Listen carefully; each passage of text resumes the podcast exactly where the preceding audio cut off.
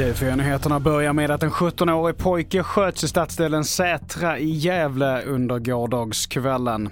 Skjutningen inträffade inne på en fritidsgård och pojken fick föras till sjukhus men lyckligtvis utan livshotande skador. Enligt polisen tros händelsen vara kopplad till kriminella konflikter i Gävle och i nuläget så har man ingen misstänkt och man ber allmänheten om tips. Vidare till Ungern där parlamentet nu ska rösta om Sveriges medlemskap i NATO på måndag, det rapporterar Omni. Det ungerska godkännandet av ett svenskt inträde i NATO har dröjt, men nationen har sedan toppmötet i Vilnius tidigare i juli bekräftat att de kommer att säga ja till ett svenskt medlemskap.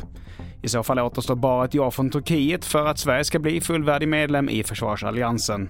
Till sist, många av landets kommuner kommer att få svårt med bemanningen i och med de skärpta reglerna för dygnsvila för personal.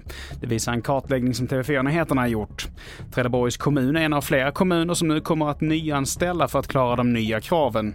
Och så här säger Ann Kajson Karlqvist som är kommunstyrelsens ordförande. Det är klart att det ställer till oss för det. Det ger ju en merkostnad för kommunerna, alla kommuner.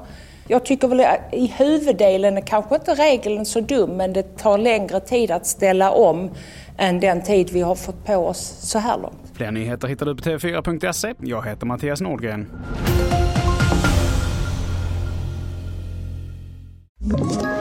Ett poddtips från Podplay. I fallen jag aldrig glömmer djupdyker Hasse Aro i arbetet bakom några av Sveriges mest uppseendeväckande brottsutredningar går vi in med hemlig telefonavlyssning och, och då upplever vi att vi får en total förändring av hans beteende. Vad är det som händer nu? Vem är det som läcker? Och så säger han att jag är kriminell, jag har varit kriminell i hela mitt liv men att mörda ett barn, där går min gräns.